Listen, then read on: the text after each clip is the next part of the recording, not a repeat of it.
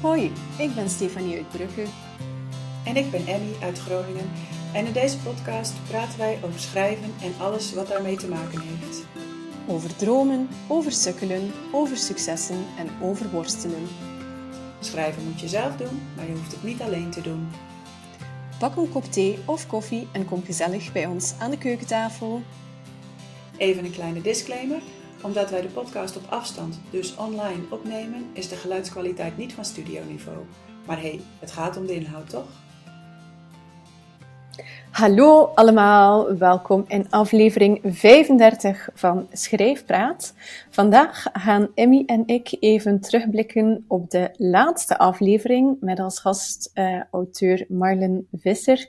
Um, omdat ik het gevoel heb dat er heel veel onderwerpen aan de oppervlakte geraakt zijn en uh, dat we de tijd niet hadden om daar iets dieper in te duiken. Dus we hopen dat vandaag wel te doen. Maar eerst, uh, Emmy, ik ben super benieuwd hoe het met jouw schrijven gaat want wij hebben onszelf een deadline opgelegd om ons werk terug te sturen naar redacteur. En die loopt gelijkaardig, dat is ergens begin juni. Hoe loopt het bij jou?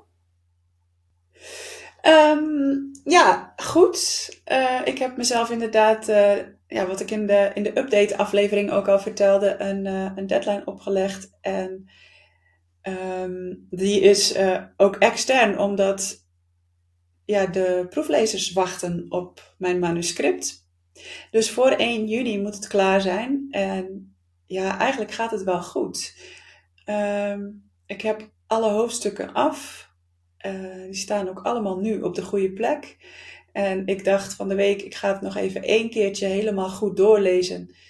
Uh, ja, toen kwam ik natuurlijk toch weer wat dingen tegen waar ik nog niet helemaal tevreden over was. Dus ik ben het nu toch nog één keer helemaal goed aan het doorwerken en dan moet het gewoon klaar zijn. Ik dacht, ik heb nu die weken nog tot 1 juni, dus die ga ik gebruiken en daarna is het klaar.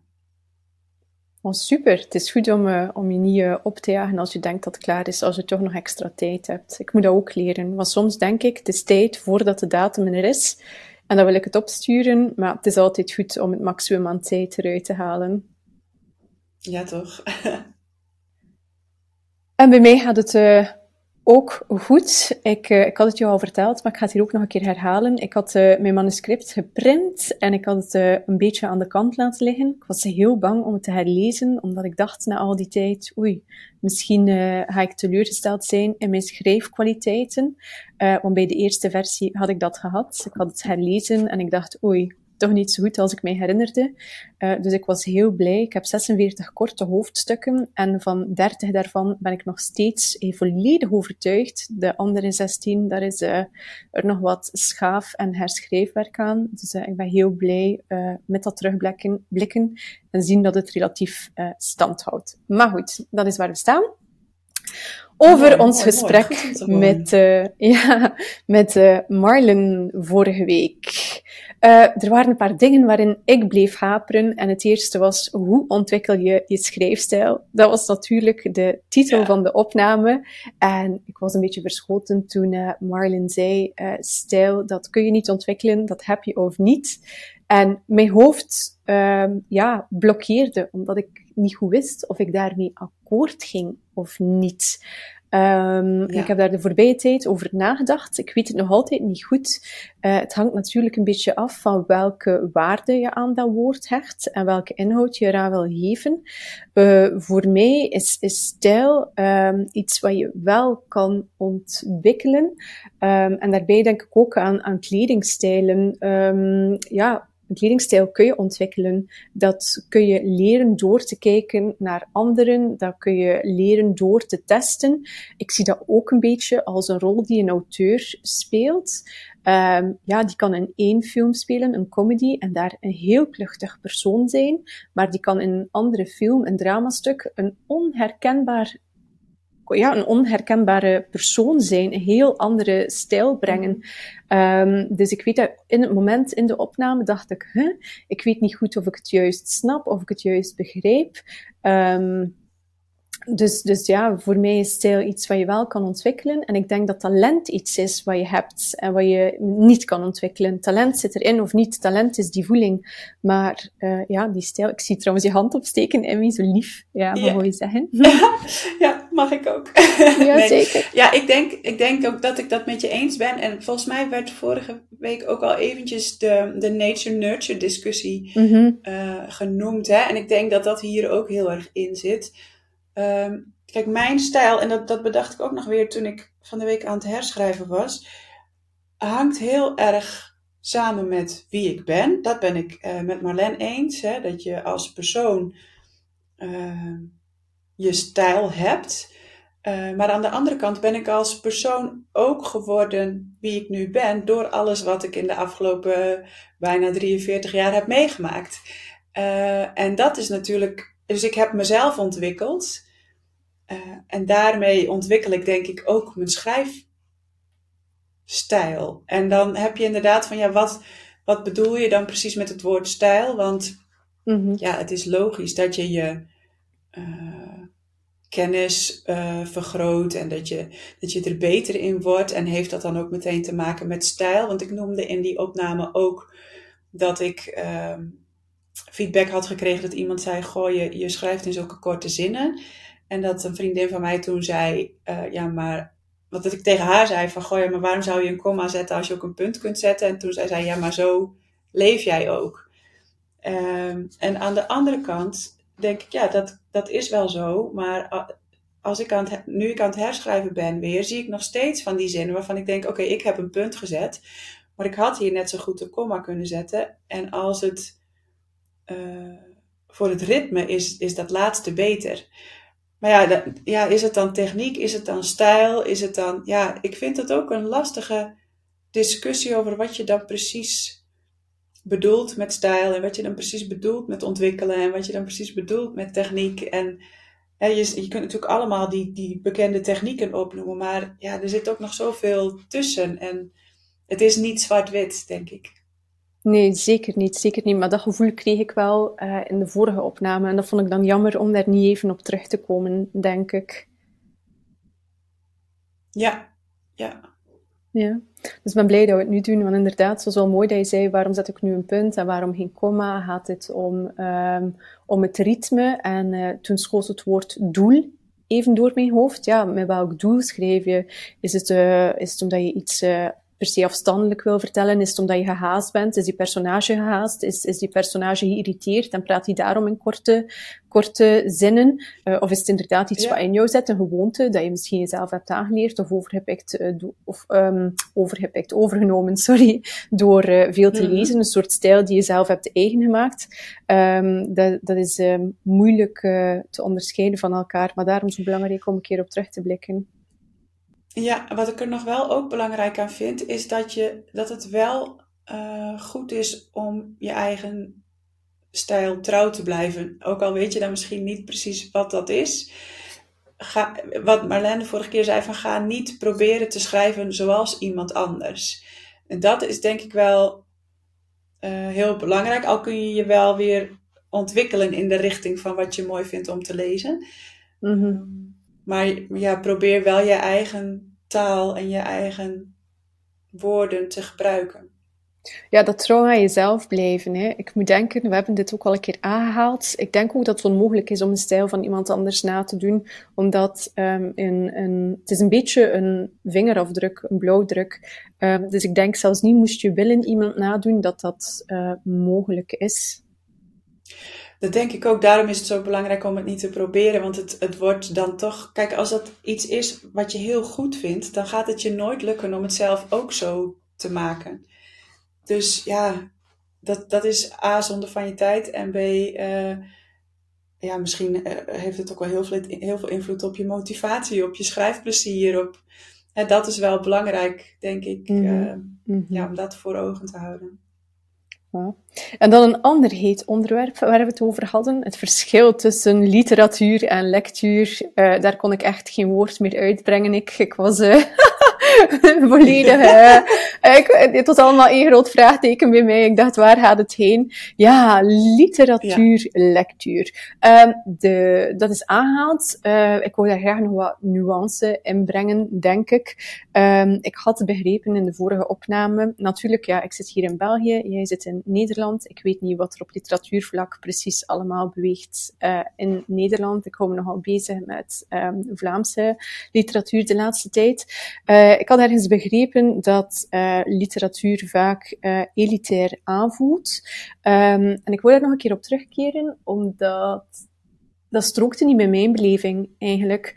Um, ik had het gevoel dat ik best wel um, in contact kom met mensen die dan ja, wat ze noemen literatuur schrijven.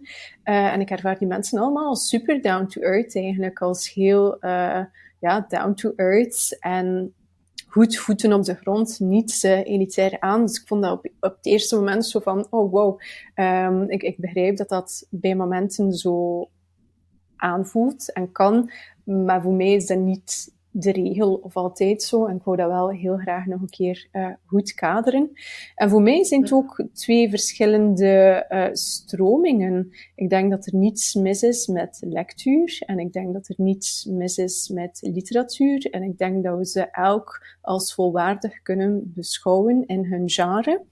Um, voor mij is dat een beetje het verschil tussen gastronomie en uh, brasserie. Ik eet zeer graag een heerlijke, huisgemaakte vol Ik kan daar even hard van genieten als een gegratineerde oester met champagne. Maar het zijn gewoon twee verschillende dingen en ze vragen alle twee om heel andere vaardigheden. De liefde voor het vak is hetzelfde. Ik ben ervan overtuigd dat beide chefs met veel liefde staan roeren en afkruiden. Uh, maar het zijn gewoon andere skills, het zijn andere, vraag, um, andere vaardigheden. Er zijn ook andere spelregels. Um, en het een is niet beter dan het ander. Ik eet graag van ik eet graag uh, oesters. Uh, ja, ik vond dat belangrijk dat we dat een keer aanhaalden. Maar veel mensen stellen zichzelf die vraag zo, hé, ja, maar ja, wat is literatuur? En ik behoor er niet toe. En, en daarom is het dan misschien slecht. Of omgekeerd, hè, ik schrijf literatuur en geen ja. lectuur. En daarom is het andere slecht. Ik vind dat altijd zo'n zo gevaarlijk gespreksonderwerp.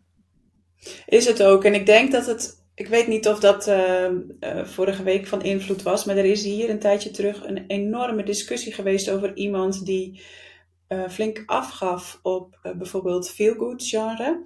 Mm -hmm, en dat is echt een enorme discussie geworden hier, omdat dat was iemand die vond dat jongeren op school um, de, de klassieke literatuur moesten lezen. En er waren een heleboel mensen die zeiden: ja, maar heel veel jongeren haken juist af omdat ze dat moeten lezen en daar niet doorheen komen, dat helemaal niet leuk vinden om te lezen, niet interessant vinden laten we nou alsjeblieft de jeugd weer een beetje aan het lezen krijgen met boeken die ze wel leuk vinden. Uh, en dat, dat heeft denk ik ook de, het verschil tussen literatuur en lectuur wel weer een beetje op scherp gezet. Mm -hmm. uh, alsof, daar, alsof die twee tegenover elkaar staan. Uh, en ik vind het mooi wat jij zegt, van eigenlijk, eigenlijk staan ze gewoon naast elkaar, zijn het gewoon twee verschillende dingen. Uh, en kun je uh, op het moment dat je zin hebt in literatuur kiezen voor literatuur. En op het moment dat je zin hebt in lectuur kiezen voor lectuur. En als je nooit kiest voor literatuur, ook prima. Of andersom. Uh, maar ik kan me zo voorstellen dat die discussie hier in Nederland wel wat heeft gedaan. Omdat heel veel, veel goed auteurs zich ook behoorlijk beledigd voelden door.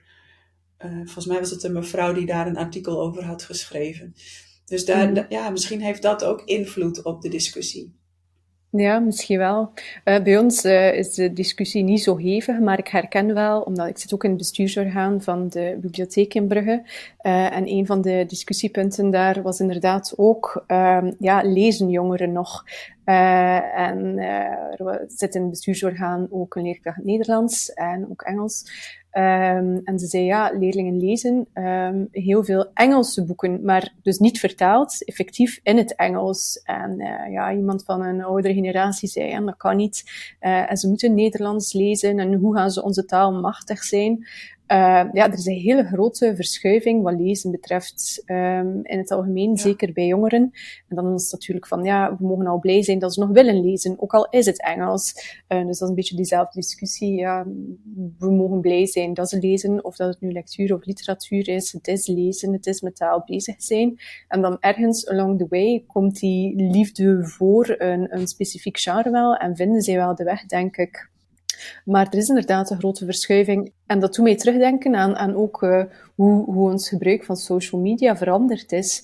Wij zijn zo gewoon van de hele dag door informatie te krijgen, maar in korte, korte blokken. Onze, onze concentratiespannen is daardoor ook enorm veranderd. Ik denk niet dat iemand die, die nu een, een senior is, uh, op eenzelfde manier las als kind, zoals dat nu tieners lezen. Die beleving is compleet anders. Dus ik denk wel dat er daar een punt in zit dat we blij mogen zijn dat er gewoon uh, toekoer nog gelezen wordt. Precies, en ik denk dat is ook de, de mooie metafoor die jij gebruikt, hè, van een brasserie of hoe noemen die die andere? Gastronomie. Gastronomie. Ik kon even niet tot het woord komen, maar dat, dat moet je ook wel kunnen waarderen, gastronomie. En als je daar niks mee hebt, dan ga je misschien je leven lang alleen maar bij de brasserie. En ook dat is prima. En ik, hè, ik kan me zo ook zo, als je het even betrekt op jongeren, voorstellen dat die gastronomie niet per se meteen waarderen. Niet allemaal, in ieder geval. Mhm. Ehm, en ik zie thuis, ik heb uh, een zoon van 13 en die leest al, die leest toevallig heel veel en heel graag. Maar die leest ook in het Engels. Dus ik echt denk, jeetje, uh, ik lees, lees, persoonlijk toch echt liever in het Nederlands. Maar uh, ja, ik ga, dat, ik ga niet tegen hem zeggen dat hij dat niet moet doen omdat ik vind dat hij Nederlands moet lezen. Ik ben al lang blij dat hij daarvan houdt en zich ermee kan vermaken. En uh, ja, ik, wil terug te komen op, op de conclusie, en dan moeten we dit, dit onderwerp misschien ook afsluiten, is het, ik vind het mooi hoe jij zegt dat het eigenlijk dat we moeten stoppen die twee tegenover elkaar te zetten en naast elkaar te zien en het allemaal oké te vinden. Oh, mooi. Consensus in de opname. Nou, jee. Wel done hey, en Marlen had ook nog een super mooie tip voor ons nadien. Die wouden we ook nog delen, hè? dacht ik, Emmy. Ja, ja, want zij vertelde in het voorgesprek, en ik weet eigenlijk niet meer zeker of we er in de opname ook nog op teruggekomen zijn, maar dat zij uh, hier bij ons in Groningen uh, in een boekhandel gesigneerd had. En uh, ja, zij vertelde hoe ze dat georganiseerd had ook.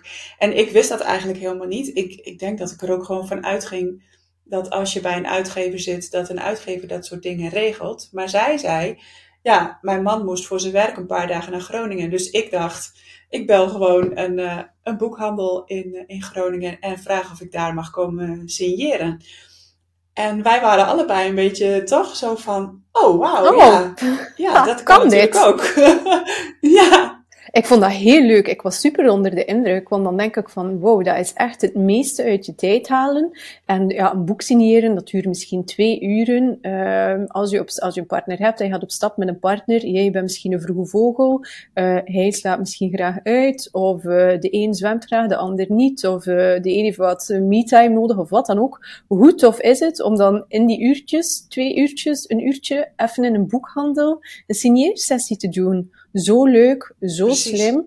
Um, ja, dat vind ik echt een, een, een hele goede tip voor um, beginnende um, auteurs, of, of zelfs ervaren auteurs, om dat te doen. Het ding is dat ik niet weet, dat moeten we ooit ook een keer behandelen, als auteurs lezingen doen in een boekhandel, en dat wordt georganiseerd door een uitgeverij.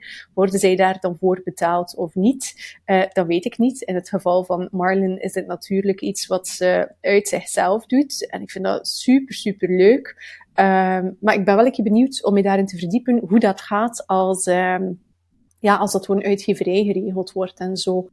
Ik denk eigenlijk dat dat vooral onderdeel is van, van de marketing.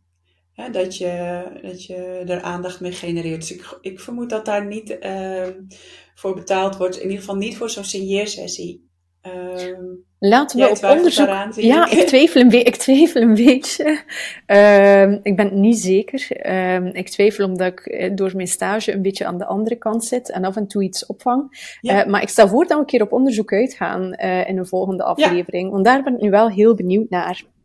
Zeker. En wat ik nog wel wil zeggen is, en dat gebeurt wel vaker, hè, dat we in het nagesprek soms nog ehm, veel interessantere onderwerpen of mooiere dingen horen dan in het gesprek zelf. Het lijkt wel als, als de microfoon uit is of de opname gestopt is, alsof het dan makkelijker praat. Maar sowieso vond ik uh, in het nagesprek met Marlene dat zij heel proactief mm het aanpakt allemaal met haar boeken. En ik dacht, ja, dat is wel een goeie. Want achteroverleunen en wachten tot de uitgever iets doet. Of uh, wachten tot mensen naar jou toe komen. Ja, dat gaat echt niet werken. Je moet echt wel. En dat weten we natuurlijk van de gasten die hier al over zelfpublishing hebben verteld. Maar dat is dus ook als je een uitgever hebt, moet je gewoon echt nog heel veel dingen zelf uh, regelen, initiëren, bedenken. Zelf hè, ja, allerlei dingen verzinnen om, om je boek maar onder de aandacht te brengen. Mhm. Ja, nee, inderdaad. Uh, ik heb er ook veel van opgestoken om uh, heel proactief aan de slag te gaan voordat je uitgegeven bent, zelfs als er nog niets concreet is, maar zeker ook nog steeds als je al gepubliceerd bent. Ja, ja, absoluut. Dus uh, Marlene, nog bedankt daarvoor. Ehm, volgens mij komen we, hadden we nog meer dingen die we Nee, ik denk het niet. Bespreken. Nee, hè? Ik denk dat jij nog een vraag hebt. eigenlijk ook wel heel mooi... Ja, precies. Dat, daar wilde ik een bruggetje mee maken. Want volgens mij komen we heel mooi uit bij de vraag van uh, Pauline. In een vorige aflevering hadden we al een vraag van haar uh, behandeld. En zij reageerde daar op Instagram op. En ze zei, ik heb eigenlijk alweer een vraag. Want hoe zit het als je wil wisselen van uitgever? Dus stel je debuteert bij de ene uitgever en uh, dat is bijvoorbeeld een wat kleinere uitgever en je schrijft nog een boek en je wil dat eigenlijk bij een andere of bij een grotere uitgever doen, kan dat. Nou, ik weet niet hoe jij daarover denkt, Stephanie, maar volgens mij hebben wij al een aantal auteurs hier in de podcast gehad die dat hebben gedaan. Hè, die bijvoorbeeld bij een kleinere uitgever gedebuteerd zijn en vervolgens uh, opgepikt zijn door een grotere uitgever of zelf daar um, actie op hebben ondernomen. Maar wat ook veel gebeurt en waar Marlene ook over vertelde, is dat als je een ander soort boek schrijft, dat dat dan ook weer bij een andere uitgever gebeurt vaak. Hè? Eh, als je bij een uitgever zit die geen kinderboeken uitgeeft, maar jij schrijft een kinderboek, ja, dan moet je daarvoor al naar een andere uitgever.